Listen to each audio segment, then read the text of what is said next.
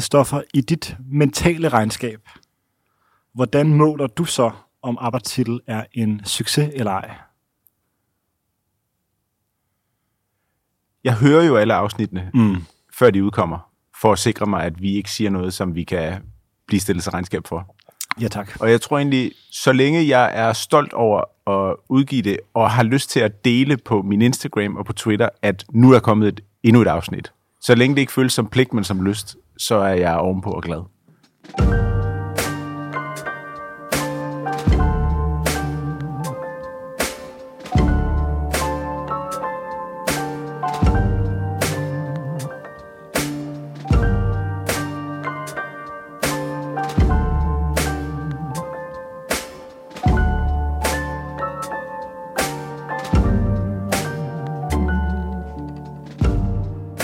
Velkommen til Arbejdstitel. Mm. Øhm, mit navn er Oliver Inde. Mit navn er Christoffer Dahørens, og i dag er vi rykket ind i Rosenborggade på restaurant Brødrene Prise. Meget belejligt, fordi dagens gæst er selveste Adam Prise. Tak fordi jeg måtte komme hos os selv. ja, det, det er jo lidt sjovt, når man øh, tvinger sig adgang til folks øh, gemakker, og så siger, øh, beder dem om at sige tak for at være med. Vi sidder i en øh, meget, meget smuk sal, som er, har både været KFUM øh, hjemsted, det har været undervisningssted for Københavns Universitet, hvor Har det? du har fået, øh, Jeg er blevet undervist her, ja. du er blevet undervist. På jura, ja. ja. Øh, det var øh, vist nok statskundskab, der havde Mm. øh, lokalet, men øh, jeg husker i hvert fald øh, en forelæsning eller to. Og så har det jo også været øh, ikke bare KFUM's gymnastiksal, mm. som jo er den store sal, som vi sidder i nu. Det har også været øh, Livgardens Mm. øh, gymnastiksal. For de ligger jo lige øh, nede for enden af gaden. Ikke? Mm. Så man kan i den grad mærke øh, historiens vingesus, og i dag kan man få et måltid mad herinde, fordi der ligger en restaurant, som du er medindehaver af. Det kan man. Ja. Og omkring os hænger der øh, øh, udstoppet dyr fra Afrika, og der er, øh, som du har skudt, også fået udstoppet efterfølgende. Præcis. Og så er der øh, masser af borer og gæster, der kommer lidt senere i dag. Ja. Øhm, Oliver, øh, vi har jo talt om, at Adam ville være en god gæst at have med i arbejdstitel øh, af flere årsager. Men en af de årsager, som, øh, som jeg synes der er interessant, og nu spørger jeg dig, Oliver, men det er jo i princippet også et spørgsmål til dig, Adam, det er, at Adam er måske en af de allermest folkelige mænd i Danmark. Jeg tror ikke, der findes mange andre, der er mere folkelige end dig, Adam. Og det er jo vildt. Tænk, tænk. Ah, me, me. Jamen, det, det, det, det, tager jeg som stor ros. Men Det er også en kæmpe stor ja. Ja. kompliment. Altså at være folkelig, det synes jeg er en øh, valuta, som man Ja. øh, kun kan opnå via benhårdt arbejde og øh, likability. Men det, det øh, er også, også, vil jeg sige, øh, øh, undrer det mig, men glæder det mig, men jeg vil sige, langt det jeg, altså det, jeg bruger det meste af min tid på, er jo ikke altid folkeligt, fordi altså for eksempel en tv-serie som Borgen er jo ikke noget, som alle ser. Mange ser det, men, men ikke alle ser det. Noget, der handler om politik, er jo noget, der lidt skiller foran for bukkene, eller, eller det skiller i hvert fald øh, interesseret fra ikke interesseret, mm. kan man sige. Øh, så jeg tænker, at folkeligheden måske især øh, stammer fra et, et program, hvor jeg pisker en del sovs. Mm. Ja, det, det, Det kan godt have noget med det at gøre. Ja. Øhm, og for de øh, to-tre lyttere, som ikke kender dig, så er du, øh, som du selv siger, øh, manden bag borgen øh, tv-dramaet, som, øh, som både er prisbelønnet og ekstremt populært også. Øh, så du er manuskriptforfatter? Ja. Er også øh, kan, hedder det tv-kok? Det gør det vel? Det gør det. Ja, det gør eller det vel. jeg tror, man vil også, øh, eller vært. TV-vært. Ja, vært, ja. jeg tror, På programmet Spise med Prise, ja. som du, er det 15. sæson? Det er fuldstændig vildt, ja. Vi har netop afsluttet optagelser på den 15. Ja. sæson. 1-5 et film, det er jo helt vildt. Som du har med din bror, øh, James. Ja. Øhm, med YouTuberen James Prise. Med YouTuberen James YouTuberen Prise. James Prise ja. med omvendt kasket ja. og fuldstændig... ja. Og så har du også... Øh, øh, så kan man godt sige, du er velbevandret i det danske restaurationsliv. Det internationale restaurationsliv tør jeg også godt sige, fordi ja. du... Øh, før du havde den her restaurant, var du madanmelder på Politiken. Ja. Måske et af de øh, mest eftertragtede værv, tror jeg, i, øh, i dansk kulturpresse. Det var du i 20 år. ja, det var jeg faktisk, eller meget, meget tæt på, sådan 19,5 eller sådan noget. Ja. Ja. Og det, øh, ja, det er jo helt klart øh, eftertragtet. Øh, nogle gange ud fra sådan nogle lidt øh, banale forudsætninger om, at, at, at, sådan, at så får man sin mad betalt, mm. og man spiser på nogle fede steder. Men man skal også huske på, at man bliver også sendt ud for at anmelde nogle steder, hvor de altså folk, der virkelig interesserer sig for mad, ikke nødvendigvis har lyst til at spise, og, og man er jo også ude en gang imellem at spise nogle ting, som virkelig ikke er gode, altså, øh, øh, og som man skal skrive om på, øh, på, øh, på bedste og mest rimelige og, og også underholdende vis. Altså, altså Mols-linjen for eksempel. Ja, og, øh, og mange andre steder, ikke, hvor, man, hvor man kan opleve øh, have meget specielle oplevelser, ikke, som mm. man jo altid har som, som anmelder, altså hvor man, øh, hvor man skal vogte sig lidt for øh, noget, som jo er altid meget fristende, når man, når man skriver, og ikke Mm. mindst når man anmelder, nemlig øh, det, man øh, på sådan en, en, en, hvad man kunne kalde perfiditetens fascination. Mm.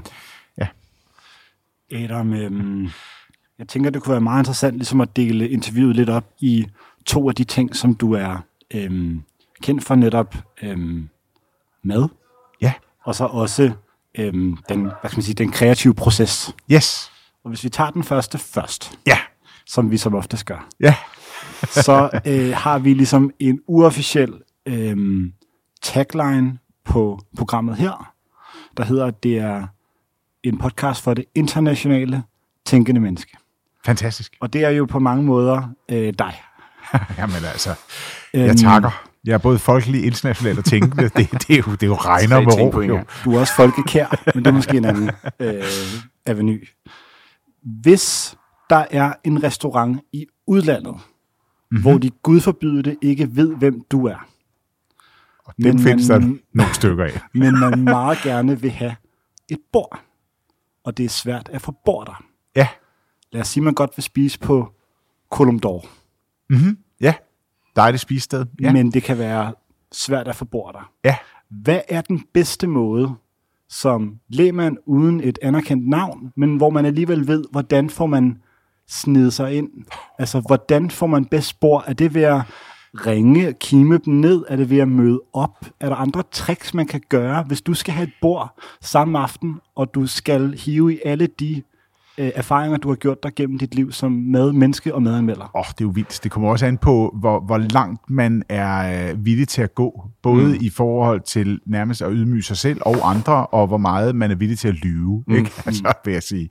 Fordi det er klart, man kan jo skrue op for, at man kender alle mulige mennesker, som har forbindelser til det her mm. sted. Man kan også øh, fortælle, at, altså nu, nu lukker jeg jo op for de mest vanvittige ting, som jeg dog ikke har gjort selv, mm. vil jeg sige, men samtidig skal understreges. Men, øh, men man kan jo selvfølgelig også sige, at man havde en meget, meget uheldig oplevelse på stedet, øh, og var blevet lovet at, øh, at kunne komme, komme igen på et senere tidspunkt. ja. Det er også en mulighed. Mm. Ikke? Øh, og, og, og at, man, at man kender Gud og hver mand, som, som selvfølgelig har forbindelser, eller nogle meget, meget berømte mennesker. Det kommer jo lidt an på, på, hvor det er. Men der er jo nogle kulturkredse, hvor, hvor sådan noget betyder noget. Altså, øh, og nu nævner du Colon d'Or, mm. altså, og, og Frankrig er jo et meget øh, hierarkisk øh, samfund, der godt kan lide øh, sine helte. Øh, så hvis man nu øh, kan påstå, at man har en eller anden forbindelse til en af heltene, øh, så, så kunne det være, at man kunne få et bord. Hvilket navn vil du name-droppe i det sydlige Frankrig, for at sikre dig et bord? Altså lige præcis Colon d'Or, Mm. Der vil jeg sige, at jeg, øh, hvis jeg nu kendte direktøren af det forsikringsselskab, som øh, har øh, forsikret deres kunst, fordi det er jo rent faktisk et restaurant, hvor der hænger øh, det et galleri med en- galleri med en lille café. Øh, Fernand Léger, øh, der hænger jo altså de mest øh, vanvittige øh, malerier, ikke? Altså, der står Césars tommelfinger, og der er øh, Giacometti-statuer osv. Det er jo simpelthen bare et fuldstændig paradis af originaler, mm. ikke? Så, så jeg tror, jeg vil gå med forsikringsselskabet. Okay. Er der, øhm, er der nogle gange, hvor du har øh, gået over din egen grænse for så at kunne indtage et måltid et par timer senere? mm, gået over min egen grænse, øh, altså for at få lov til at bord et sted, ja. eller sådan noget. Altså, jeg har jo været, må jeg sige, også som anmelder, især herhjemme, øh, nok så privilegeret, at, at der, der er det lykkedes mig at få bord. Øh, og jeg vil jo også sige, øh, når man har skrevet om mad i så mange år, så lærer man jo også at kende øh, en del af de fantastiske kokke, mm. vi har herhjemme. Og i og med, at Danmark i den grad har sat et meget, meget stort og dybt øh, footprint i den internationale gastronomiske verden, så kan man jo også nogle gange øh, trække på sine bekendte. Og, øh, og simpelthen spørge øh, en af de meget, meget dygtige kokke, om han, hun kender mm. den og den køkkenchef, og på den måde øh, forsøge at, at liste sig ind. Jeg var i en ganske kort overgang, øh, øh, var jeg med til øh, World 50 Best, mm. øh, og sad i juryen der.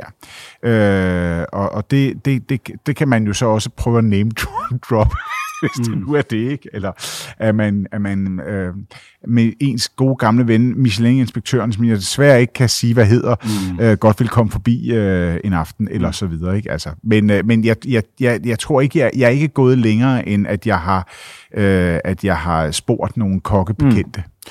For et par afsnit siden, der havde vi øh, Søren Frank øh, som gæst i arbejdstitlen. Ja. Og øh, vi talte om det her med, at han selvfølgelig havde øh, aliaser når han skulle reservere bord på restauranter, ja. så de ikke kunne, hvad skal man sige, forberede sig på, at han ville komme, Præcis. Og, øh, og, og ligesom øh, lade deres pistoler med det tungeste skyts. Ja. Øhm, han kunne naturligvis ikke afsløre, hvilke navne og mailadresser osv. han bruger til at reservere, fordi han Ej. stadigvæk er aktiv anmelder. Præcis. Men eftersom du stoppede med øh, anmelderiet, ja. havde du øh, et eller flere aliaser. Og i forlængelse af det, også fordi du er så dygtig en manuskriptforfatter, havde du bygget øh, karakterer rundt om de aliaser. Det er jo er fantastisk. Ja, det er jo næsten som, som om man var en gammel øh, dobbeltagent fra ja, koldkrigstiden. det er det, jeg tænker. Øh, hvor man kunne sådan et, et langt øh, CV, øh, var en ikke eksisterende. Altså, jeg benyttede mig faktisk af noget meget, meget banalt, som jeg også ville tro, at Søren Frank og, og, og nogle af mine gamle anmelderkolleger mm. benyttede sig af, nemlig at lade gæsten bestille bordet. Mm. Altså, det er jo altså, uh, utroligt altså, enkelt at gøre. Simpelthen. Ja. Altså, meget, meget nemt, fordi mm. så behøver man ikke at lyve helt så meget. Altså, øh, fordi især også, at, at altså Søren Frank er jo en meget, meget kendt mand i, øh, i anmelderkredse, i kokkekredse. Mm. Altså, øh, han er jo også et ansigt, som har prydet utallige artikler og bøger og hvad ved jeg. Så det er jo klart, at, at øh, hvis han øh, ringer op, eller hvis han skriver en mail, hvor han kalder sig øh, øh, Bo Hansen, og så dukker op, øh, så er det klart, at folk bliver sådan øh, når de ser, at det er ham. Ikke? Altså, øh, så, så jeg vil sige, for, for egen del, der var det næsten altid gæsten, der mm. bare bestilte bordet. Det var mm. meget, meget nemmere. Mm. Hvis man har et bord på en meget fin restaurant, du kender sikkert det der, det tror jeg alle kender, at man ligesom, øh, der er nogle restauranter, hvor man nærmest føler, at der er så fint, at man er under tjeneren eller head of houses kontrol. Altså, der er steder, hvor man føler, at man lettere kan gå ind og spørge, kan I lave en ændring på menuen et eller andet, og så er der steder, der ja, er så stoffy, helt klart. at man tænker, her gør jeg bare, hvad de siger, fordi ja. jeg er nærmest mere ja. heldig at få lov at være her, end at de er heldige at få min øh, forretning. Ja. Hvis nu man bliver vist ind på en øh, Michelin-restaurant, og man kender måske ikke nogen, og man føler sig en lille smule øh, sådan bæret eller pudebane, ja. ja. kunne du stadig finde på at sige, det bord, hvor I har sat mig, der ja. gider jeg ikke at sidde, jeg vil sidde ved et andet bord. Åh, oh, det kommer, det kommer nok lidt an på, på øjeblikket. Altså man kan sige, at de fleste øh, Michelin-stjerne-restauranter øh, skal jo som regel altså helst køre med en ret fuld seatlist. Mm. Ikke? Altså der, der, der er der pakket. Øh, men hvis man sidder et eller andet ærgerligt sted, øh, så kunne det da godt være, at jeg ville i tale og sige, ved I hvad, vi har simpelthen glædet os sådan til at komme her i aften, øh, og det er så smukt et lokale, og vi sidder helt nede bagved. Øh, er det på nogen måde muligt, hvis vi går lidt tidligere, eller sådan et eller andet, altså mm. ligesom bare sådan prøve at skabe nogle, nogle muligheder for kompromiser, en, en, øh, et forlig, mm. og, så, øh, og så, så, vil jeg, så vil jeg da i tale sætte det. Altså. Er du god til at være sådan kritisk forbruger på den måde, Christoffer? Øhm, det er bløde, synes jeg. Mm. Jeg husker en gammel episode med, øh, jeg var ude og spise noget morgenmad med en veninde, og det er, det er 15-20 år siden, hvor vi, vi, jeg kan huske, der var sådan, det var en café, der ligger her ikke mere i København, hvor der stod sådan noget friskpresset juice på menuen. Mm. Og det havde vi bestilt, og det var meget, meget tydeligt, det var bare fra en karton. Mm. Og det sad vi sådan lidt og harcelerede over til hinanden. Og så kom tjeneren ned og spurgte, er alt som det skal være? Og så var vi sådan, Ja, det er super godt. Ja. det er rigtig godt. Mm. Alt er i den skønneste orden. Og den vil jeg, altså fordi jeg simpelthen var for ja. konfliktsky til at mm. ture og sige ja. noget. Men i dag tror jeg, jeg vil, øh, jeg vil stå mere op for mig selv. Men Ja. jeg er ikke, jeg, jeg er meget mindre typen, der vil have skiftet bord eller flyttet et andet sted hen. Og der ja. ved jeg, at du er langt mere øh, opmærksom på øh, at gøre det rigtigt fra starten af, så forudsætningerne for, at det bliver så god en aften som muligt, er til stede. Jeg er desværre sådan, at jeg kan ikke slappe af, hvis Nej. jeg føler, Jamen, jeg kan mærke det på dig med At det, det samme. ikke er i orden. Ja. Ja. Eller at der er et eller andet, som at jeg du burde rigtig, gøre opmærksom på. Jeg, jeg vil hellere sidde et andet sted, og jeg kan ikke slappe af Nej. resten af aftenen. Ja. Og jeg vil også virkelig klart anbefale, altså nu er jeg jo som restauratør, oplever man jo også en gang mellem folk, der, der, der har et eller andet problem med et eller andet. Det, gør, det, det kommer alle restauratører mm. til at opleve. Det er jo klart. Også hvis man kører et kæmpestort selskab, og der er 200 gange øh, øh, øh, oksefilet, der glider ud af køkkenet, så kan det jo godt være, at en af dem mm. er mindre mør end de andre. Mm. Og sådan bør det ikke være, men sådan er det, mm. fordi vi er jo mennesker, og, og, og, og kødet er ikke mørt alle steder på præcis den samme måde. Og så har jeg da oplevet gæster, som kommer hen og siger, at de er dybt indbrændte, mm. at de har siddet og kæmpet sig mm. igennem en ret, som de på en eller anden måde ikke var tilfreds med.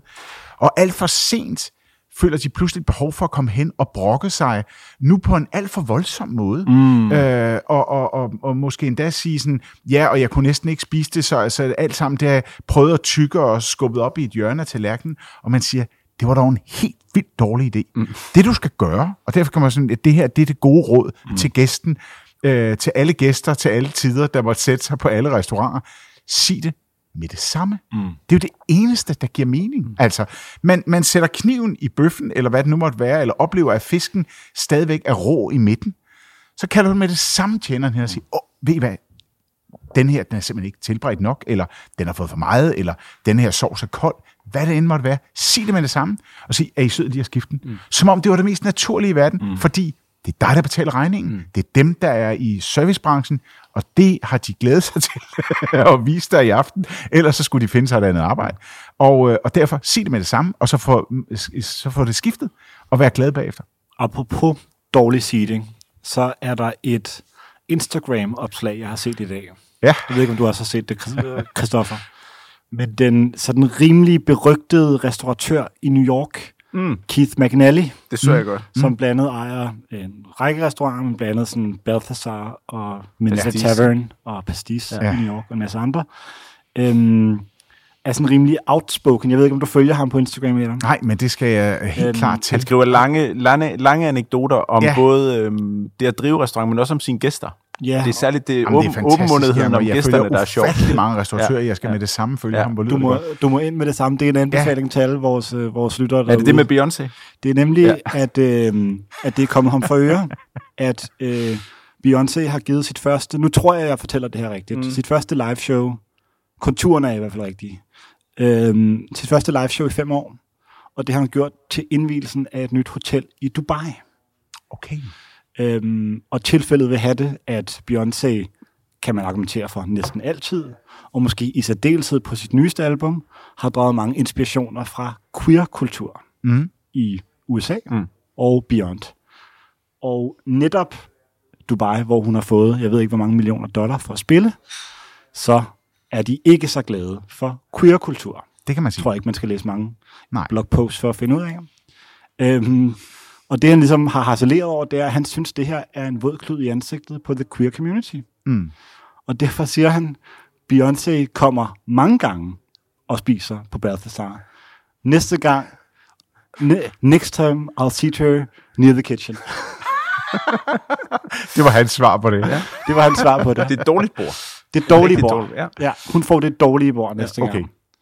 Øhm, og jeg ved ikke, hvorfor det ikke har fået mere omtale. Jeg synes, det er ret Men man må sige, sjovt i hvert fald. Den, jeg går at den mand har flere 100.000 følgere, ikke? Jeg tror, jo, Men han hvis har, det- jeg hvis tror, han han har har 100, øh, fordi jeg tjekkede nemlig, da Okay. jeg så Ja. det, så var sådan, han har omkring 114.000, tror jeg, det Okay. er, 115.000 eller sådan. Okay, men det er sikkert også forholdsvis indflydelse i mennesker ja. Fra restaurationsmiljøet ja. i. New York, så man kan sige, der er sikkert allerede betalt tilbage til Beyoncé på den, øh, ved det post. Det er der. jeg sikker på. Det tror jeg bestemt. Det tror jeg bestemt. Adam, efter, øhm, efter din øh, næsten 20 år som anmelder, hvor du øh, har spist flere måltider, øh, både som anmelder, men også som privatperson, øh, end de fleste mennesker når på det hele liv, øh, valgte du at blive restauratør, og måtte selvfølgelig af den grund opgive anmeldergærning, fordi Med man det ikke samme. kan spille Ja. på begge hold. Ja. Øhm, hvad er det mest øh, overraskende øh, for dig, eller hvad var det mest overraskende for dig, efter du hoppede over på den anden øh, side af bordet og blev vært i stedet for gæst? Jamen for det første er det jo et meget, meget mærkeligt karriereskifte. Mm. Altså, det må man bare mm. sige. Og, og det er klart, pludselig står man jo og kigger ud over landskabet af sine gamle kolleger, som på en eller anden måde er forpligtet til at komme og skrive om ens sted. Og, og man, man, man kender jo alle faldgrupperne, og man opdager jo også, og det er jo enormt opdragende, kan man sige. Man opdager, hvor svært det er at drive restaurant. Mm. Og det er ikke sagt med nogen form for selvmedledenhed, for det skal fandme bare være i orden, og du skal levere varen til prisen og, og og i det hele taget. Øh, men, men det opdager man lige pludselig. Man opdager, hvor mange bitte, bitte, bitte små dele, som en god, helstøbt aften ved et restaurationsbord i et bestemt prisleje, hvad den rent faktisk består af. Øh, og hvor mange, øh, altså, hvor mange enkeltheder det rent faktisk øh, gælder om. Og, og, og vi har jo også af samme grund, min, min øh, kære gamle bror øh, James og mig, øh, og så øh, øh Mads Bøtger, vores øh, CEO og, øh, og partner i, i restauranterne, har delt, øh, kan man sige, verden meget klart op imellem os. Fordi det nytter simpelthen ikke noget, at, at, at min bror og jeg står for driften af de her restauranter. Mm. Vi skal gøre det, vi er gode til. Øh, stil, stemning, atmosfære, menuer, sammen med vores dygtige køkkenchefer, og, og, og ligesom sidde med opskrifter og sige, hvad er det for en restaurantoplevelse, man gerne vil øh, give til gæsten. Men vi skal ikke nødvendigvis kende øh, køkkenprocenten, øh, tjenerprocenterne og detaljer i driften i vores restaurant i Herning, mm. øh, eller øh, vores øh, restaurant i Tivoli. Der må vi bare sige, restaurationsvirksomhed, det er en fuldtidsprofessionel business. Mm. Og, øh, og, og der er vi jo stadigvæk for, hvad skal man sige, for nogle halvamatører at regne. Og det, og, og, og det amatører skal man læse øh, ordets egentlige betydning at elske amatør. Mm. At elske det, som man beskæftiger sig med, men man overlader øh, øh det allermest komplekse til de professionelle. Mm. Det er derfor, jeg godt kan lide at gå ud og spise. Det er det. Overlad det til de professionelle. Præcis. Du skal ja. ikke lave det derhjemme selv. Lige præcis. Lige præcis. Oliver laver jo ekstremt lidt mad derhjemme. Jeg laver meget lidt mad. Ja, okay. Jeg laver ja. meget lidt mad. Ja, men spiser gerne. Meget gerne. Jeg, ja. jeg, jeg, jeg elsker det, og jeg elsker ambiance, og jeg, ja. jeg, jeg elsker at gå ud og spise. Jeg kan huske, da jeg var, øh, ja. da jeg var barn, der fortalte mine forældre, at, øhm, at i, i New York fandtes der lejligheder, hvor der ikke var køkkener i. Og det fascinerede mig altså, altså fordi folk simpelthen bare gik ud og spiste hver dag. Ja. Og det, det synes jeg var, det var et drømmescenarie. Altså nu, ja. jeg kan rigtig godt selv lide at lave mm. mad, og kan ikke forestille mig at leve uden et køkken derhjemme, men jeg, jeg kan huske, som barn tænkte jeg, det må være drømmen. Ikke at have et køkken derhjemme, og så bare bruge det som et værelse i stedet for. Ja. Og så gå ud og spise hver dag. Der er et gammelt men, øh, klip fra sådan en... Øh, The Great British Bake Off, da de laver de her øh, comic relief episoder, som ja. er sådan nogle spin-offs, hvor det så ikke er amatørbager, men bare kendte mennesker, der skal bage. Mm øhm, hvor Alexa Chung, øh, modellen og forfatteren, øh, medvirker, hvor hun siger, at hun, øh, hun ikke har tændt sin ovn i tre år, fordi hun opbevarer sin sko i ovnen. og nu har de efterhånden fået nok. Og nu har de efterhånden fået nok. ja, nu er de ja, det vil jeg nok sige. Men altså, tænk på, øh, hvor mange mennesker, der får lavet øh, fantastisk øh, udbyggede køkkener, altså øh, øh, samtalekøkkener, mm. eller uh, altså øh, arkitektoniske perler, øh, som både, øh, jeg har prøvet at være i et par af dem, altså hvor man tænker, det er en perle af et køkken, det her. Det er lavet af mennesker, som aldrig nogensinde har lavet mad, man og ikke ovnen, aner og så tænker man, ja. noget som helst om det, ja. som ikke ved, hvad for nogle bevægelser, der er naturlige mm. i et køkken, mm. og hvor tingene naturligt skal være. Og deraf kan man også næsten altid konstatere med en vis øh, sandrolighed, at øh, der er sgu ikke blevet med i det her køkken. Mm. Altså, øh, altså hjem, hvor, hvor man har gjort fantastisk meget ud af det, men, men der bliver sgu ikke lavet mad der. Der mm. bliver spist takeaway mm. i et meget, meget stort mm. samtalekøkken. Der bliver varmet, varmet ja. takeaway. Ja. ja. Adam, øh, i, øh, i december måned lagde du en post op på din Instagram, som jeg i øvrigt vil opfordre alle til at følge. Det er, det er stor fornøjelse at følge dig på Instagram. Jeg synes, Nå, du, du, jeg synes, du nailer øh, det sociale medie ret godt. Nå, øhm, hvor du havde været på juletur i London. Ja. Og så skrev du, at øh, du senere vil poste en roundup af restauranter, hvor man spiser godt. Oh, her. Og det, den kom aldrig. Nej, du er så rent det simpelthen ind i så travl en periode. Det er så, jeg, skylder, jeg har, siddet der, jeg, jeg har skylder, opdateret din Instagram siden men, øh, den 11. december. Men kan man så tillade sig at komme med den sådan halvanden, to måneder senere? Jeg vil sige, øh, øh, en, god, en god restaurantanbefaling i London bør holde er mere end to måneder. Ja. Så, Jamen, så, så det- hvor spiser man godt tager jeg som, i London? Øh, det tager jeg som en, øh, det tager jeg som en opfordring. Mm. Jamen, øh, øh, jeg prøvede sammen med min øh, kæreste en... Øh, altså, vi tog sådan et lille roundup af steder, ikke? Og, øh, og prøvede faktisk øh, at spise hos øh, en kl- London-klassiker nu, men som jo netop har fået tre stjerner, tre Michelin-stjerner, mm. øh, Sketch, mm. men vi spiste på deres bistro, mm. øh, som jo har været det her fantastiske øh, pink plush rum, som netop er lige er blevet lavet om. Men sketch må, næ- den må Øh. næsten være altså 25-30 år gammel. Ja, så gammel er den faktisk ikke. Nej, okay. Så gammel er Men det dog føles lidt sådan. Ja, men... Øh, men Sådan en rigtig var, Kate øh, Moss restaurant i 90'erne, vil Ja, jeg sige. og derfor er det meget sjovt lige at se, at det, er det bare et, om jeg så må sige, Instagrammer-sted, mm. øh, øh, som ovenkøbet har lidt for mange år på banen. Men det var faktisk virkelig i orden, og det var en fornøjelse også at se, hvor meget de på deres bistroniveau rent faktisk øh, overkommer. Og det er nogle gange faktisk ret fedt øh, at spise på bistroer, hvor headchef har en, en stjerne eller to, eller måske tre. Mm. Fordi der fungerer øh, bistroen lidt som sådan et outlet for de idéer, som måske har været lidt for simple, mm. men fuldstændig lige så velsmagende, yes. mm. op i stjernerestauranten. Mm. Øh, en anden vil jeg sige i samme forbindelse, fordi det var sådan en, en fantastisk... Øh, øh, vi har haft nogle ret gode øh, restaurantture, og, og spise for eksempel på øh, Brasserie Astoria i Stockholm, mm. hvor det jo er Fransen, der mm. har den. Øh, og Fransen er jo en, altså en restaurant øh, gigant nu, ikke? Altså, øh, som har øh, en af de ja, fem altså bedste, vel, tror jeg, den bliver ved med at blive kåret til i Ja, verden, ikke? ja, ja, simpelthen. Og, mm. og han har jo restauranter øh, i forskellige lande. Mm. Ikke? Altså, man har også sit, sit træstendede tempel i Stockholm. Men det var fandme også fedt, mm. og, og, og det var skønt. Pludselig, ham følger jeg også på Instagram i øvrigt. Og fedt at se, sådan, hvordan de tester retter til øh, bistroen. Ikke? Okay, ja. øh, fordi man kan sige, øh, når man så selv har en bistro, og man kan sige, hold kæft, hvor har vi travlt, altså, hvor de dog slider ud det køkken. Og det der med at have overskuddet, fordi man også har et, et topniveau, mm. øh, så man rent faktisk kan stå og, og lave sådan nogle prøveballoner og sige, begynder den her at være skarp nok, mm. øh, til at vi kan køre den enten det ene sted mm. eller det andet sted. Fuldstændig fantastisk. Mm. Altså, ja. Mm. Så øh, sketch, hvad, hed, og hvad hedder bistroen? Jamen, den hedder øh, også Sketch. Altså, der er Sketch Gallery, og der er Library. Yes, øh, og det her, det er jo, øh, det er jo gallerien. Øh, ja. Så øh, det kan varmt anbefales. Men jeg lover, jeg skal nok komme med en Jamen, lille... det var, altså, jeg vi, kommer vi er meget lille, en lille, lille opmærksom på, at øh, hvis man beder folk om en restaurantanbefaling til en anden by, så er man meget lidt interesseret i at få 10 anbefalinger, men man vil bare gerne have to. Ja, Så, så, øh, så vi behøver ikke flere. det nej, var nej. sådan set alt, hvad jeg bad om. ja. Ja. Hvor mange procent rabat får du på Sweden på Claridge's? Jeg får ikke nogen som helst procent af nogen som helst steder.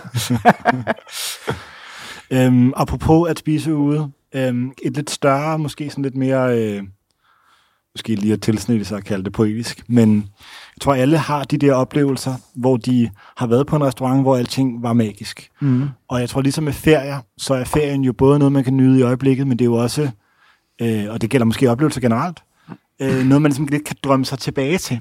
Ja. Så har man tit, når man, når man ligesom synes, det er meget januar i København, mm. eksempelvis, så tænker man tilbage på en tur, en oplevelse, et eller andet. Ja.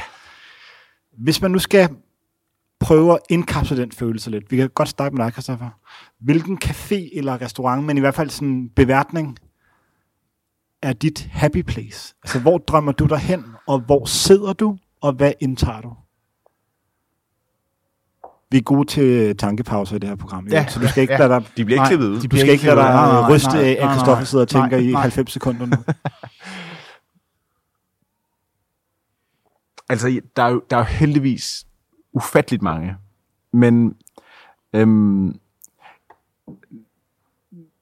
jeg siger det her, fordi jeg lige kom til at tænke på det forleden dag, og, og så står det klarest frem i hukommelsen. Men i, i, i 2019 var vi i, i efterårsferien var vi i New York med alle tre børn, og hvor øhm, de to store lige var blevet store nok til også at kunne passe, eller hvad skal man sige, se efter Andrea, mm. vores yngste. Så en gang imellem havde Louise og jeg lige, altså 35 minutter, hvor vi kunne løbe ned på gaden og på en kop kaffe at sidde, øh, og selvom at man er i den mest hektiske by i verden, eller i hvert fald en af dem, og have tre børn med, så var det øh, et vindue af frihed, at kunne gå ned på gaden og bare sætte sig på en café. Og vi boede øh, to gader fra øh, Amy Leon Dors café, som hedder Café Leon Dor. Er det et happy place? Og det- med Leon Dors Café? og bare at sidde dernede, og, og ja, vi fik vidderligt ikke andet end en espresso. Mm. Altså, det var det eneste, vi fik, og det var bare at sidde på gaden i fred.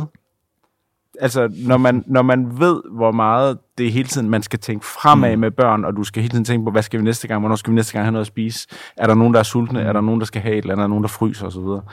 Og så bare lige sidde i en halv time, uden noget ballade og uden noget larm, og bare kigge på mennesker i New York, der går forbi.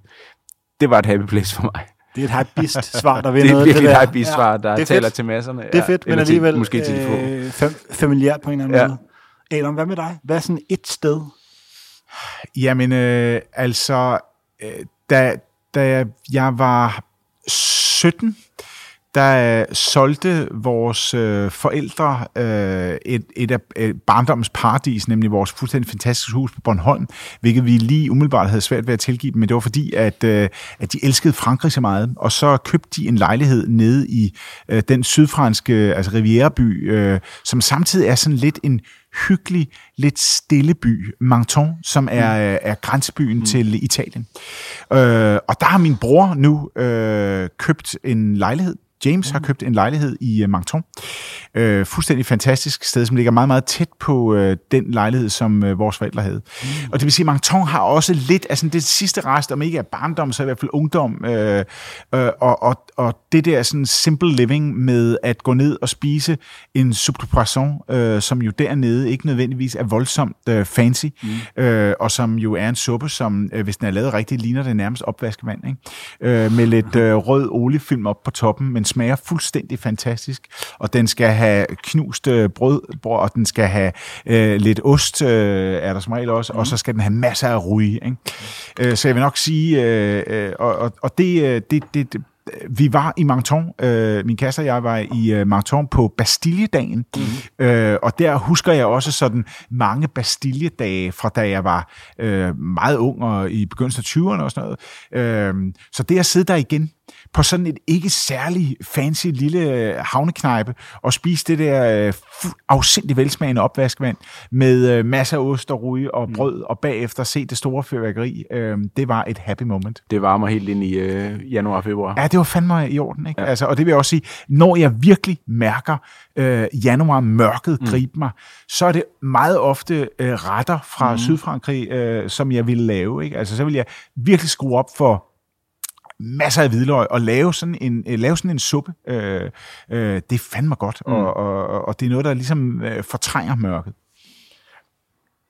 Adam, øh, nu har vi snakket meget om mad, og øh, vi skal også snakke en lille smule om dit øh, manuskriptvirke, manuskriptforfattervirke. Ja. Øhm, og sådan helt indledningsvis, og det er måske et meget stort spørgsmål, men jeg synes alligevel, det er relevant. Øhm, tænker du nogensinde over, altså nu har du haft så meget succes, tør jeg godt kalde det, med, øh, med de ting, du har lavet, mm. og de ting, som dit produktionsselskab har produceret.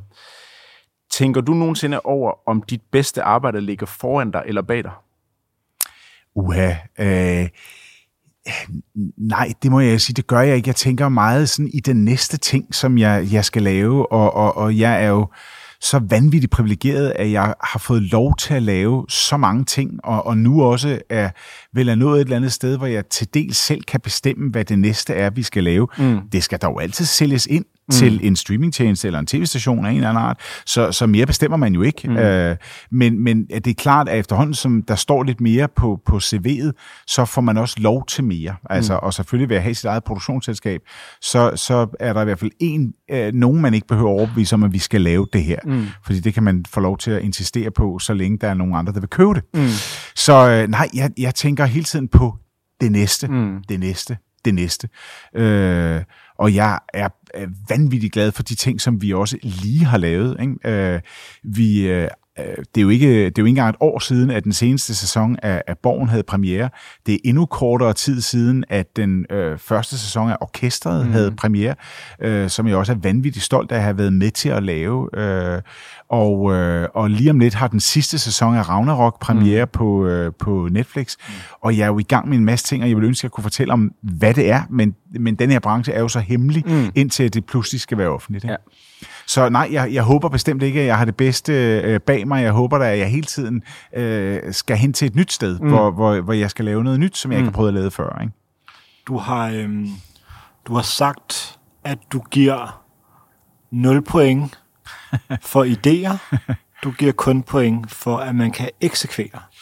Jeg, vil sige, jeg, har citeret, ja. jeg, vil, lige det, ja. jeg har citeret øh, min gamle øh, dramachef og mm. i øvrigt øh, rigtig gode øh, kollega og, og bekendte Rumle Hammerik, som var dramachef, øh, nystartet ung dramachef øh, i øh, det, der lige før hans tid hed TV-teatret ude på øh, Danmarks Radio. Øh, og der startede jeg som meget ung og var med til at lave en tv-serie, der hed Taxa, som nogen dog stadigvæk kan huske, med Taxa Mike og mm. Lizzie og Werner og dem alle sammen, og Citybilen. Øh, og der var jeg meget ung. Det var det første, hvor jeg ligesom sådan lærte faget ved at få lov til at, mm. at udføre det. Og Rumle sagde øh, øh, højt og tydeligt i afdelingen, jeg giver ikke point for gode idéer. Jeg giver, kun, jeg giver ikke en skid for gode idéer. Jeg giver kun point for udførelse. Som selvfølgelig også var en lidt frisk måde at sige på, at der er så mange, der kommer i mm. den her branche og siger, at jeg har en, en, en pissegod idé til det og det og det og det. Og, og, og et gode idéer er jo vigtige, og dem skal man også sætte i gang. Men men udførelsen er jo det mest afgørende, og man kan jo have så masser af gode idéer, men hvis ikke man ved, hvordan man skal eksekvere dem, og måske ikke har viljen og evnen til at eksekvere dem, så er gode idéer jo lidt øh, som drømme, man begynder at glemme øh, hen ad vejen, og man bare kan huske, at det var en god drøm. Og der, vil jeg, øh, der, der går jeg meget ind for, at man eksekverer dem. Mm. Når, når man så har været med til at lave øh, borgen og har haft så meget stake i det, og så der samtidig sker det, at den bliver så internationalt anerkendt. Ja. Sker der så det, at man, hvis man ikke kigger sig ordentligt for, så ender man med at bruge rigtig meget tid med på, altså til møder med folk i ind- og udland, som vil fortælle om deres egne idéer, vil have dig til at være med på en idé. Egentlig, altså ikke for at sige, at det, det ikke kan være givetigt, men hvor man faktisk ender med at bruge så meget tid på møder, at man måske glemmer, hvorfor man øh, startede i det her fag til at starte med? Jamen altså, man kan sige, det, der skal til for, at man får eksekveret nye idéer, er jo altså også møder. Og, og, og mange af de møder, især hvis det er med folk, som, som har lavet noget godt, og som man får lov til at arbejde med, måske også i det store udland, øh, der læner man sig også op af de ting, der står på ens eget CV. Altså, så man kan sige, møder skal der til. Øh, man, man, man skal selvfølgelig, og det prøver jeg at være meget bevidst om, ende med ikke kun at være rejsende i en gammel succes. Mm. Man skal sørge for at, øh, at, at have den gamle succes måske med som, øh, som, som smørelsen på skiene, øh, men man er hele tiden på vej til det næste, til det næste, til det næste. Jeg glæder mig vanvittigt til at lave en ny serie, som, som er noget helt andet, eller en film, som er noget helt andet end noget, det jeg har lavet før, eller teater, som jeg jo også en gang men vender tilbage til, fordi jeg elsker det, ligesom som sådan grundstammen, mm. den oprindelige kunstart. men er der så, har du siddet i møde, eller været på et sæt, eller sådan noget, med nogen, hvor du tænkte, holy shit, tænker jeg, nu sidder i møde med den her person? Øh, ja, jamen det har jeg da. Jeg har da øh, øh, øh, oplevet at møde vanvittigt øh, dygtige mennesker, som jeg ser sindssygt meget op til, og jeg har jo også oplevet, at at folk, som jeg ser op til, godt kan lide, øh, øh, godt har kunnet lide en tv-serie som Borgerne, hvor man også bliver ydmyg, fordi man tænker, hold da op, øh, kan hun eller han virkelig lide det? Øh, noget, som man har været med til at lave, og det må man jo bare være vanvittigt stolt af. Men man må samtidig også sige, at den her branche er jo også så relativt hård, at du aldrig er bedre end din seneste succes eller mm. fiasko. Så vi skal også videre, og, øh, og, og, og jeg er virkelig glad for, at jeg ikke er en person, som, om jeg så må sige, brød igennem som 19-20-21-årig, og så aldrig rigtig har lavet noget siden dengang, mm. hvor jeg skrev min fede bog, eller digtsamling, eller film, og så gik det bare støtte ned ad bakke, og folk taler stadigvæk om den. Mm. Altså, det vil være ærgerligt, mm. altså, fordi livet er langt for nogen i hvert fald. Har du et sted, hvor du skriver bedst? Åh, altså, jeg skriver jo øh, faktisk meget i en kreativ proces med andre. Mm. Altså, det er jo det, at, at, øh, at hver manuskriptforfatter har sikkert sin form, men der er nogen, der tror, især folk, der er helt uden for branchen, tror, at man sådan får en god idé på en eller anden måde, mm. og så sætter man sig hen og starter i øverste venstre hjørne, og så slutter man, når manuskriptet er færdigt mm. på en eller anden måde. Og intet kunne være mere forkert i forhold til, til min proces. Min proces handler om, at man snakker om tingene, at man er nogle gange mange i et rum. Jeg har aldrig nogensinde arbejdet i sådan nogle kæmpe store amerikanske forfatterrum, mm. hvor der sidder måske 10, 12, 15 forfattere. Det er også, kan man sige, måske på vej væk og ved at gå lidt af mode og så videre. Men, men, øh, men det, at man hele tiden sidder sammen med andre, og at det er noget, der meget bliver til i en, i en dialog, Øh, og, og jeg har også øh, nogle gange været med til, at, at man faktisk nærmest dikterer øh, et manuskript, mm. altså at man faktisk leger mm. dialogen mm. øh, frem, altså og leger scenerne frem i en form for konstant pingpong. Øh, og det er ikke fordi, at jeg ikke også nogle gange sidder helt sådan gammeldags på min stol og skriver, øh, men, men det bliver meget til i et forfatterrum. Mm. Det vil sige, mit kontor inde på vores produktionsselskab, SAM, jamen det er jo fuldstændig beklædt med whiteboards. Med, med post-its og whiteboards. Whiteboards og post-its alle vejen. Mm. Og derfor er det altid enormt hemmeligt. Man er altid sådan, øh, kan vi være derinde? Nej, det er ikke så godt. Vi kan ikke holde et møde derinde med folk, der ikke er indvidet det, fordi så ser de mm. pludselig, mm. der er 80 sædler op at hænge, og der står nogle navne og vendepunkter og ting og sager, man ikke vil have, folk skal vide, før det pludselig bliver offentligt. Hvis du så, så, så ligesom skal, hvis du ved, du har en stor dag, eller der er en deadline, eller et eller andet, ikke? Ja. Har du ligesom en måde, du øhm, stiller din dag op på, eller prioriterer din dag, så du ved, her har jeg de perfekte omstændigheder til at kunne arbejde. Altså, jeg spiser meget lidt morgenmad, eller øh, springer frokosten over, eller et eller andet for at gøre, at du har de bedste forudsætninger for at levere. Jeg vil sige, jeg er jo pakket ind i fantastisk dygtige mennesker, som er, er fuldstændig lige så nødvendige for slutproduktet, mm. en tv-serie, som jeg selv er. Øh, og det kan være producenter, øh, associate producers og, og assistenter på den ene eller anden måde, men vi arbejder jo alle sammen sammen på projektet, der handler om, at det her skal blive færdigt, og meget gerne færdigt til tiden, og gå videre i de forskellige stadier af sådan en produktion. Og når vi er ved at nærme os en deadline, for eksempel, så bliver vi serviceret på den vildeste måde. Mm. Altså det må man mm. bare sige, fordi det gælder om at holde os i det rum, så mange timer som overhovedet muligt. Mm. Så det er faktisk noget med, at man helst ikke skal rejse sig og, og gå ned og hente mad, mm. eller skal vi ikke lige, altså medmindre man virkelig har brug for luftforandring, mm. og man jo godt kan, så skal vi lige gå en tur rundt om blokken, det kan man jo godt, men ellers så vil det virkelig være sådan, at, at der kommer folk ind og siger, har I brug for noget? Mm. Øh, der er et, et, et virkelig farligt skab med, med, med blodsukker mm. til sidst på eftermiddagen, øh, hvor man godt kan hænge sig, hente sig en 20-25.000 kalorier, hvis man ikke vil passe ja. på. Ikke? Øh, og der bliver hentet frokost, der bliver mm. hentet kaffe, øh, og, og det gør der jo ikke normalt. Hvis ikke der er en deadline, så kan du gå, skulle gå ned og hente din frokost selv osv. Men, men, men når vi i de der pressede perioder, så er der fuld turbo. Der er det som om hele huset bare samler sig omkring, at nu er det den her vej, fordi vi ved, den 22. der skal vi aflevere, mm. og der skal det bare være klart. Mm. Christoffer, nu sidder I jo i et åbent øh, landskab, øh, kontorlandskab, ude i øh, contentbunkeren. Men så fremt, at du kunne få din vådeste drøm opfyldt, og rent faktisk have sådan et et godt gammeldags hjørnekontor. Et war room. Med en, en lille minibar. Hvad vil du dække den minibar ud med? Øhm, altså, jeg, jeg, selvom at, at tanken er sjov med at, at, at drikke alkohol, ja. øh, så er det jo ikke en vej at gå, når man skal få noget arbejde fra hånden. Men minibar kunne også bare være ligesom det er på et hotel, ja, hvor der okay, er en chokoladebar okay, okay, okay, og nogle ja, ja, Rice Krispies helt klart, okay, klart. og en cola og sådan ja. ja. Altså, så, så er vi ude i sådan noget øh, øh Paris og linser, dronningemandler. øh, Uh, have dronningemandler, som er noget, mange folk bare spiser i teateret. Især det kongelige teater, spiser man dronningemandler. Det, det, også det nye teater. Ja, præcis, ja. øhm, Jamen, jeg er jo meget til de klassiske øh, slik. Altså gammelmandsslik? Gammelmandsslik. Altså, de det der, der, det er jo faktisk gammel dameslik. Ja, det er gammel dameslik, ja. De der, øh, de aflange æsker fra øh, Toms, hvor du ligesom skubber den ud, hvor Nej, der ligger både orange grene, orange grene og øh, de der små kattetunger. kattetunger. De kringlerne, Sådan. kringlerne Kan du også klare kringlerne? Jeg elsker dem. Nå, De smager så det? godt. Og så findes der også de der, som jeg faktisk fik øjnene op for her øh, til jul.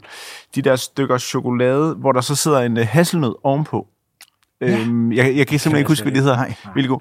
Og det er jo en, det er jo et ben af mig, og så det andet ben, det er jo øh, det syrlige. Mm. Altså Okay, det syrlige, er det sådan nogle, det, det er øh, Haribo slik, det er sure, helt billigt. Det er ja, helt okay, billigt. ja. Altså sådan, Syrlinger hvor du, sådan du, noget. altså din krop den ryster, så snart du har spist 10 stykker af det, ikke? fordi der er så, det er så vildt. Groteske mængder af Ja. sukker. Ja, okay.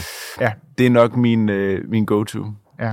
Har du en snackskuffe derhjemme, Adam, som har noget godt? Altså, jeg synes, øh, der er altid...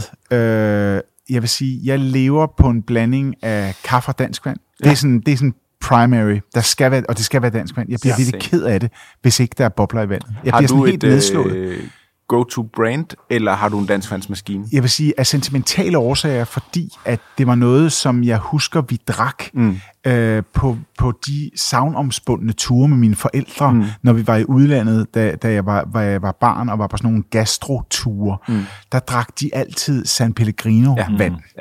Ja. Øh, så derfor mm. øh, så, så er det San Pellegrino også, som er i vores restauranter, ja. af sentimentale årsager. Også fordi det er dejligt vand, men, men, det, men, men bestemt også derfor. Ellers vil jeg sige, jeg, jeg drikker så meget dansk vand, at jeg har fået installeret en danskvandshane Ja, okay. i mit hjem. Yes, Simpelthen. det er jo drømmen. Kan den give nok øh, brus? Ja, jeg har, øh, jeg har en både i sommerhuset og en øh, i, øh, i min lejlighed. Øh, og, og jeg vil sige, øh, at den i min lejlighed, der kan man vist indstille bruset. Øh, og ja. det er virkelig det er en, virkelig en luksus. Ja, så man lige kan skrue op, hvis man har Ja, brug for for... det ellers vil jeg øh, faktisk sige, selvom man, man synes, det er lidt primitivt, når man bruger sådan en gammeldags SodaStream-maskine, mm. men fordelen ved den er jo, Du kan jo selv skrue at helt du kan op. bare makse, makse boblerne. Ja. altså, Når du så øh, drikker San Pellegrino, er det så af øh, plastikflasken, Glas. eller er det, det er glasflasken? Glasflasken. Det er jo den, det er jo den allerbedste. ja, præcis. Den, den står på Den bordet. står på bordet nu, fordi det er den, man får på restauranter, men man kan ja. også finde dem på øh, i dagligvarerhandlen, men øh, hvis man Ja. ja. kigger godt så, Lige præcis. eller hvis man har sin egen restaurant. Ja, Ja. Intellektuelt er jeg i tvivl, om jeg øh, helst ville drikke San Pellegrino af de mindste flasker, Jamen, de små ja, flasker men de er gode. også bare, fordi de eller er så enormt af de store flasker. cool. Og man må nok også sige, at jeg kan slet ikke forestille mig, altså niveauet af klimasynd ved de små mm. flasker, tror jeg slet ikke, man skal udtale sig om. Altså det, det er så absurd. Ja. Øh, så, men men jeg, kan, jeg kan godt lide dem, jeg synes også, de er meget små. Ligesom jeg også godt kan lide de små, buttede colaflasker, De er der er ja. lidt blågrønne i glasset. Det. De har sådan en anden særlig kvalitet. 0,25. Fantastisk. Ja, I Sydeuropa har de jo i 020. Ja, Som- 020, som ja. Der bliver det endnu bedre. Endnu bedre. Altså, det, det, jo er som om smagen bliver Ja. mere koncentreret. Koncentreret, ja. ja, det er helt fantastisk. Det er ligesom, altså, når man fløj i gamle dage, hvor man fik 0,15 øh, dåser. Ja, Altså, så også helt suverænt. Jo. Det er også stort.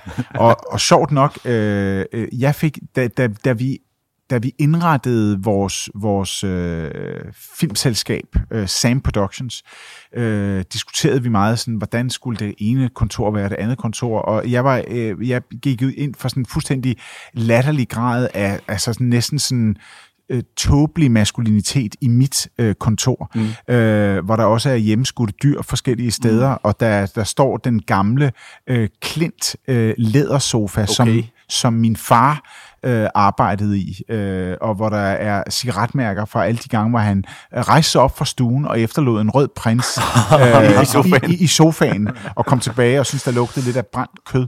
Ja. Øh, og der er der sjovt nok også et barskab. Mm. Og det siger jo, at- og jeg ved ikke, om det var sådan en blanding af, at det var på en eller anden måde en, en cool genstand at have stående, og der var også sådan lidt, det var lige de der år, hvor, hvor de første sæsoner af Mad Men kørte mm. og sådan noget, ikke? Yes. Og man tænkte, gud ja, for fanden, fuld klokken 11, Ja. det kan også noget. Det kan, altså, det kan sgu da også noget, ja. altså. Og det kan være, at, at, at, at man så får noget, en anden form for øh, det der med ikke at give point for gode idéer, men, men kun for udførelse. At udførelsen bliver lidt anderledes, mm. men måske på en eller anden måde glider lidt, lidt, lidt mere sådan toget mm. Bare derudad. Mm. Men der er jo aldrig nogensinde blevet åbnet. Altså, der står en af mine yndlingswhiskyer, mm. en yndlings single malt, står i den, og den er jo ikke åbnet endnu. Det er fuldkommen vanvittigt. Altså, de siger jo alt om, om, om, øh, om de her øh, effektive tider, vi lever i. Ikke? Det er en tæt på Øh, jeg startede i mange, mange, for mange, mange år siden øh, på Danmarks Radio.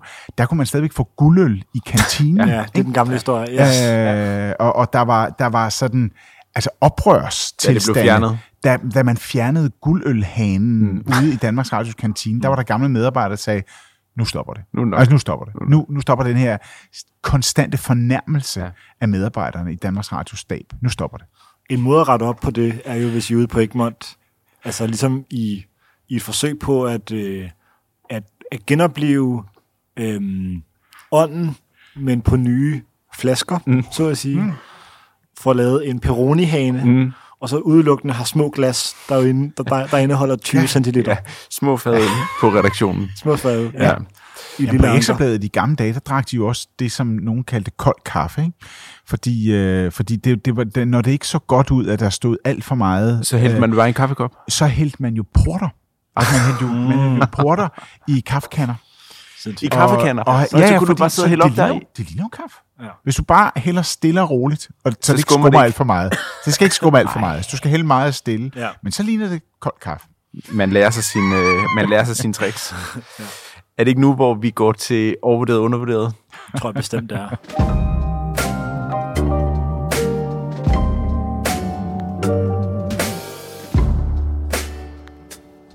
Øh, Og i dag, Oliver, har du taget en stak ting, genstand med. Det har jeg. Ej, Fedt. Ja, så smart.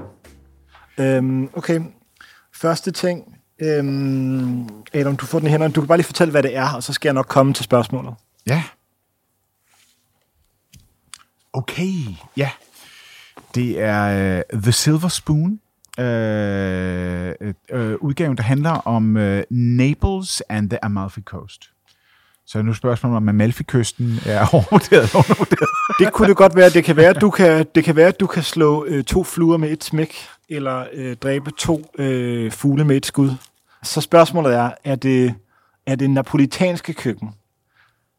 Øh, er det overvurderet eller undervurderet? Det er i hvert fald elsket af mig. Uh, så, så, så jeg vil sige, uh, jeg, jeg, jeg, vil, jeg, jeg outer ingen køkkener. Altså, mm. det vil jeg sige, det, det synes jeg næsten ikke. Det kan man ikke, og jeg synes også, at det var forkert som, som, som anmelder, synes jeg ikke, man kan... Øh, dengang, hvor jeg var anmelder, synes jeg, noget af det vigtigste var, at man ikke man, man kan da ikke anmelde noget, man ikke elsker. Mm. Øh, så bliver det jo en anmeldelse, som er skæv fra starten af. Så jeg vil, jeg vil jo altid sige, at, at alle køkkener på en eller anden måde er undervurderet, øh, ud fra den helt almindelige forståelse af, at der sikkert er noget, vi endnu ikke har begreb om fra det her køkken. Der er sikkert noget, mm. som ikke er kommet frem i dagens lys, altså noget, som vi ikke har fået belyst ordentligt. Altså, så jeg vil da helt klart sige, øh, øh, det napolitanske køkken er, er, er sikkert blevet vulgariseret nogle mm. steder, hvor man så kan sige, ej, er det så ikke blevet lidt, er det ikke lidt ydt nu at tale om, om Napoli og Napoli-pizzaer og, og, t- og lave ting napolitane? Slet ikke. Der skal bare være nogen, der gør det øh, med en endnu dybere kærlighed, en endnu dybere forståelse. På din opfordring vil jeg så tillade mig at stille et follow-up spørgsmål. Ja. Er Amalfi-kysten overvurderet eller undervurderet? Ej, den er bare blevet slidt af lidt for kendte mennesker, ikke? Ja. Men den kan holde til det. Okay. Den er der, når de kendte mennesker er døde. Så er den klar til at blive opdaget af folk, der ikke nødvendigvis er kendte, men har en, en kærlighed til den, som ikke kun kommer fra, at andre kendte har fortalt dem, at det er fedt. Christoffer, du er jo nærmest sådan uofficiel øh, Milano-ambassadør.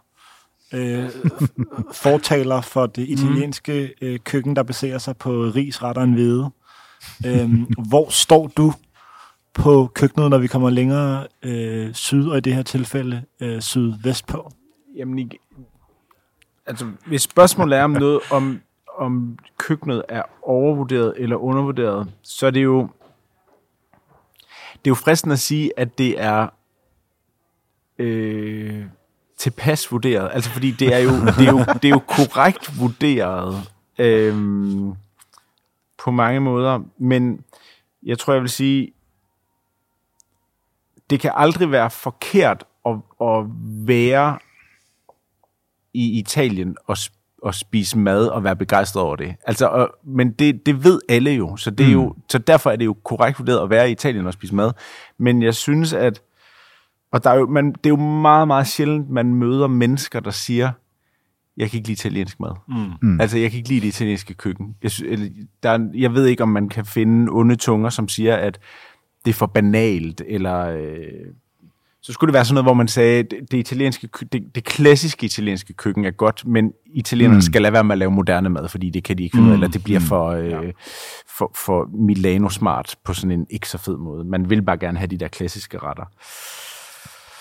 Jeg vil sige, jeg har jo... Øh, Altså, jeg har haft nogle af de største gastronomiske oplevelser øh, netop ved, ved en hyldest til det meget, meget lokale Ja. i Italien. Ja. Og jeg har haft nogle af de værste oplevelser overhovedet af øh, sådan Michelin-style De prøver, jamen, og, og man, når, når, Øhm, når italienerne prøver at være sådan, så bliver det nærmest sådan fashion mad, de skal lave. Mm. Og det kan blive... og hult. Altså, Ja. jeg har oplevet en, en gang med nogle, nogle italienske stjernerestauranter, Mm. altså især sådan i 1-2 Michelin-stjerne-niveauet Mm. øh, for nogle år tilbage, hvor jeg tænkte, jamen det her det er jo, det er jo en parodi. Mm. Det er jo simpelthen en parodi, Mm.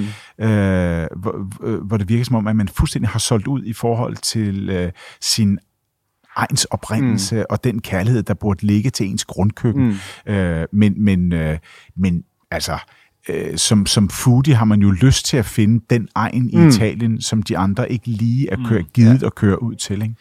Jeg tror, jeg vil sige også øh, afledt af Adams øh, meget sande beskrivelse af, at når øh, de her mennesker er døde, så består Amalfi-kysten stadigvæk. Så tror jeg, jeg vil sige, at napolitansk mad og Amalfi-kysten, hvis jeg må tillade mig at slå dem sammen, er øh, overvurderet, fordi det er blevet, desværre har det udviklet sig lidt for meget til en Instagram-destination, mm. synes jeg. Og det er en skam. Men det er bare et af de smukkeste steder i verden. Eller i hvert fald et af de smukke, smukkeste menneskeskabte steder i verden. Mm.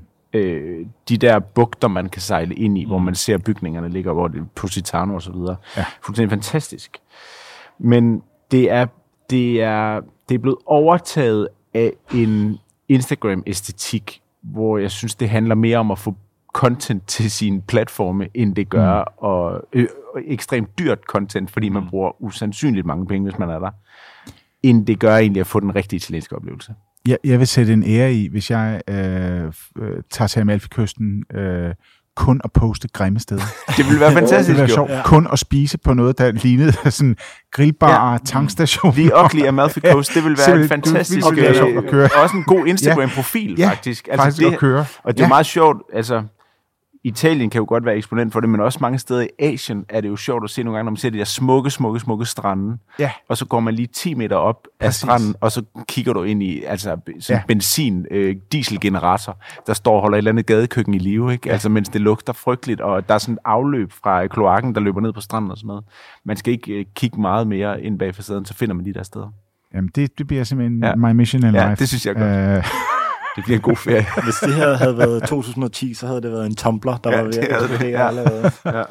Øhm, okay, næste ting. Adam, hvad får du her? jeg får en, en, en 5 euro seddel. Den er lidt slidt, det må du undskylde.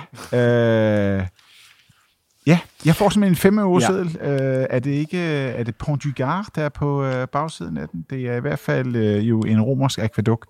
Det er en romersk ja. 5 euro. Spørgsmålet Ja. øhm, det er et symbol på, om hvorvidt drikkepenge er overvurderet eller undervurderet. Altså, øh, ja, øh, som en, der jo øh, også slår sin folder i restaurationsbranchen, der, der vil jeg nok sige, at drikkepenge er, er, er aldrig overvurderet. Mm. Altså, øh, fordi det, at, at at der stadigvæk er en eller anden øh, en målestok, hvor man, øh, og det handler jo ikke kun om beløbsstørrelse, men det handler også om, at man anerkender et servicefag. Øh, og det kan være med relativt lidt, hvis, hvis det er det, man har lyst til, men man anerkender alligevel.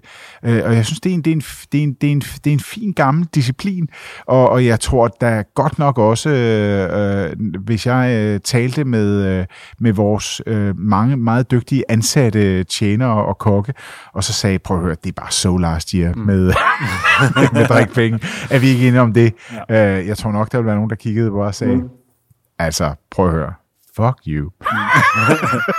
altså, så nej, øh, jeg, øh, jeg, jeg, jeg kan bestemt godt lide at give øh, drikpenge. Og nogle gange, fordi der er visse, altså, der er jo nogle jeg vil ikke sige kultur, men der er i hvert fald visse restauranter, hvor det nærmest er forsvundet, fordi alting kører, mm. og det bliver pludselig meget besværligt, og pludselig skal tjeneren gøre alting om, hele manøvren omkring uh, indtaste og så videre, og jeg har også oplevet, at tjeneren faktisk siger, at det behøver du ikke, mm. fordi det, det er nærmest sådan lidt besværligt mm. og lidt pinligt, og man skal ud og starte terminalen op igen og sådan mm. noget. Altså, men, øh, men jeg synes stadigvæk, at drikpenge, det holder.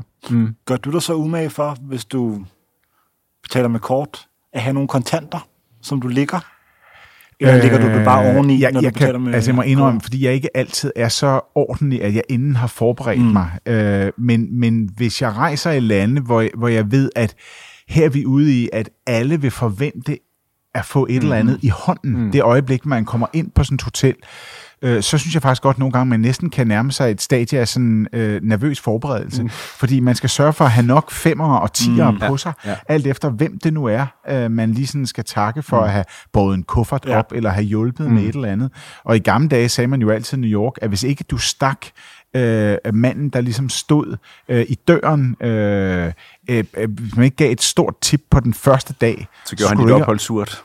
Så skulle du ikke regne med at få en taxa på noget tidspunkt. Mm, nej, klart. Altså, det var ligesom bare sådan, mm. så sørg for, sørg, for det, ikke? Og man kan sige, i gamle dage, det har jo nok ændret sig lidt, men i gamle dage var det jo sådan, at hvis ikke du lagde det, det, det, øh, det beløb, som der blev forventet af dig, eller mere øh, i USA, så var de jo, altså virkelig sådan, anything wrong, mm. og komme hen og var sådan helt sådan, undskyld, der er et eller andet helt galt her. Mm. Hvorfor har du ikke lagt mm. øh, de, øh, de 15 eller, eller øh, måske 20 procent, som vi forventer, mm. fordi vi har en sulteløn, og, og hvis ikke du lægger det, så, øh, så skrider alting. Mm. Ja.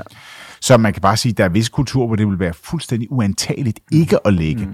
Øh, og så er der nogle af øh, vores nærtliggende, øh, meget privilegerede øh, egne af verden, hvor vi måske ikke er så afhængige af det. Men jeg skal da hilse at sige, at vores egne ansatte her er der enormt glade for, at folk mm. anerkender den service, de lægger. Øhm, jamen, jeg er nok enig med Adam langt, med dig, Adam, langt hen ad vejen. Jeg synes, drikkepenge er... Øh, jeg synes, det er undervurderet. Jeg synes, man skal, øh, man skal sørge for, når man har været et sted... Altså, hvis man taler herhjemme, hvis man har været et sted, hvor man har fået god service på en hel aften, så skal man også øh, honorere det, og det kan man sagtens mm. gøre. Med, øh, alt efter, hvor stor regningen er naturligvis. Øh, en procentdel af det. Øh, jeg har lagt mærke til nogle gange, så hvis man der er nogle steder, der, hvor det er på Dankort-terminalen, den der, hvor der står tilføj drikkepenge, mm. OK mm. eller stop. Og der synes jeg nogle gange, der er sådan i Danmark sådan en bagatelgrænse, hvis jeg t- køber en kop kaffe Ja. to go, og jeg så får en Dankort-automat, hvor der står tilføj drikkepenge, der er jeg sådan, øh, jeg ved ikke, hvor meget I har gjort jer fortjent til at få en til at få drikkepenge i Danmark, fordi jeg ved, I får mindstelønnen i hvert fald. Mm. Øh, og der synes jeg, det er lidt forkert. Mens, man, mens i USA, der er det jo... Øh, der kan man Altså jo... overlevelse. Det er jo ren overlevelse, og der, der er det jo...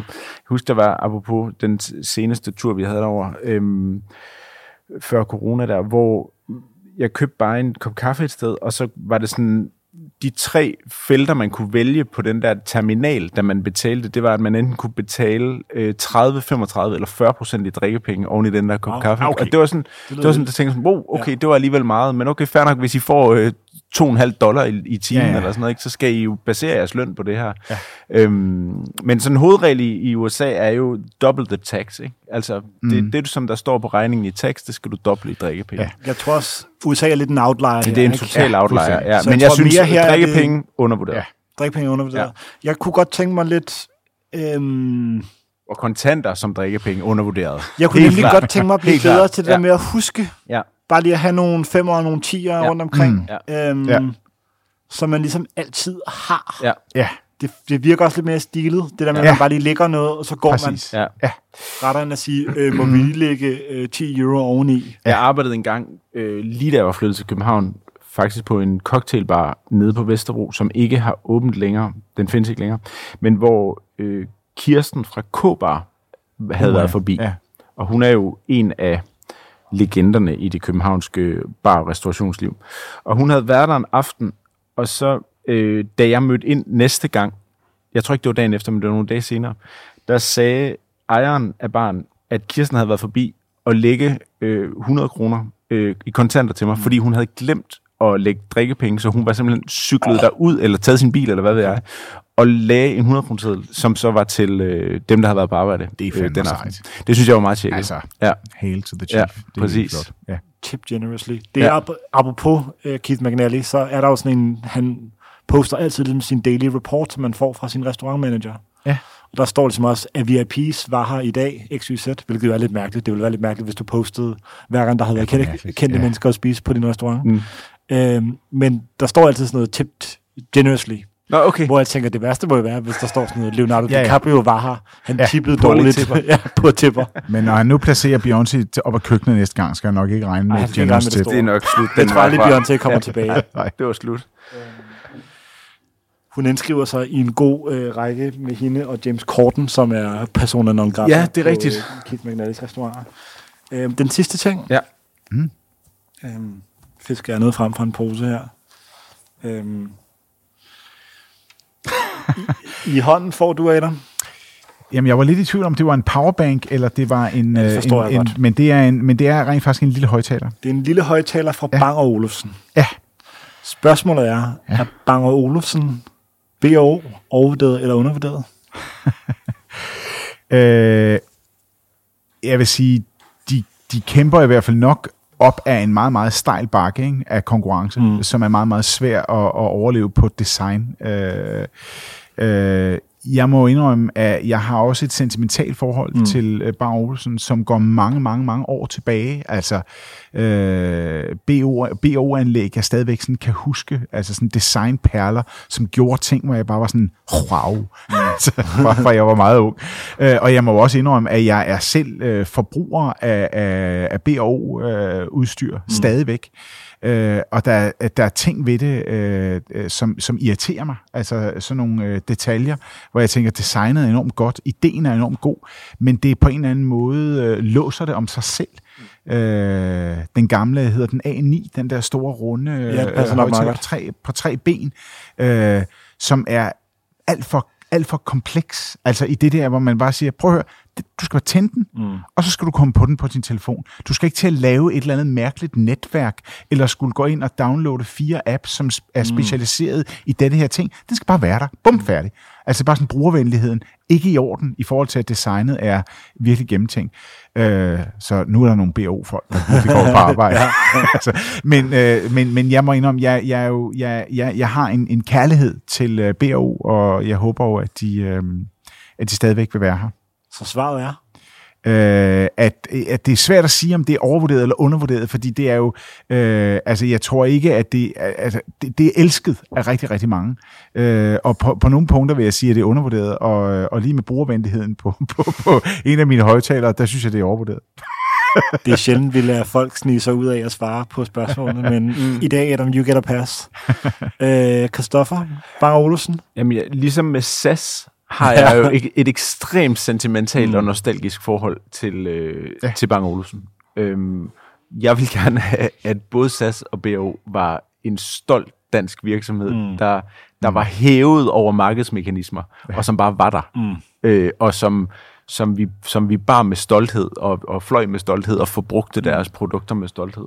Øhm, jeg tror nogle gange, man, man glemmer som dansker nogle gange de her globale virksomheder, vi har i Danmark, øh, hvor BAO er et godt eksempel på en af dem, hvor man tænker sådan, der er der ikke nogen, der gider at købe fjernsyn til, til 200.000 kroner, eller hvad de koster.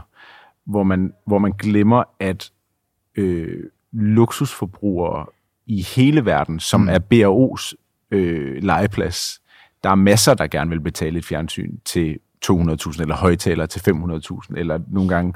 Altså, Beyoncés venner i Præcis, Dubai. ja, præcis. De, de ja, det. skal hilse at sige, at der er masser af kunder til, til den slags.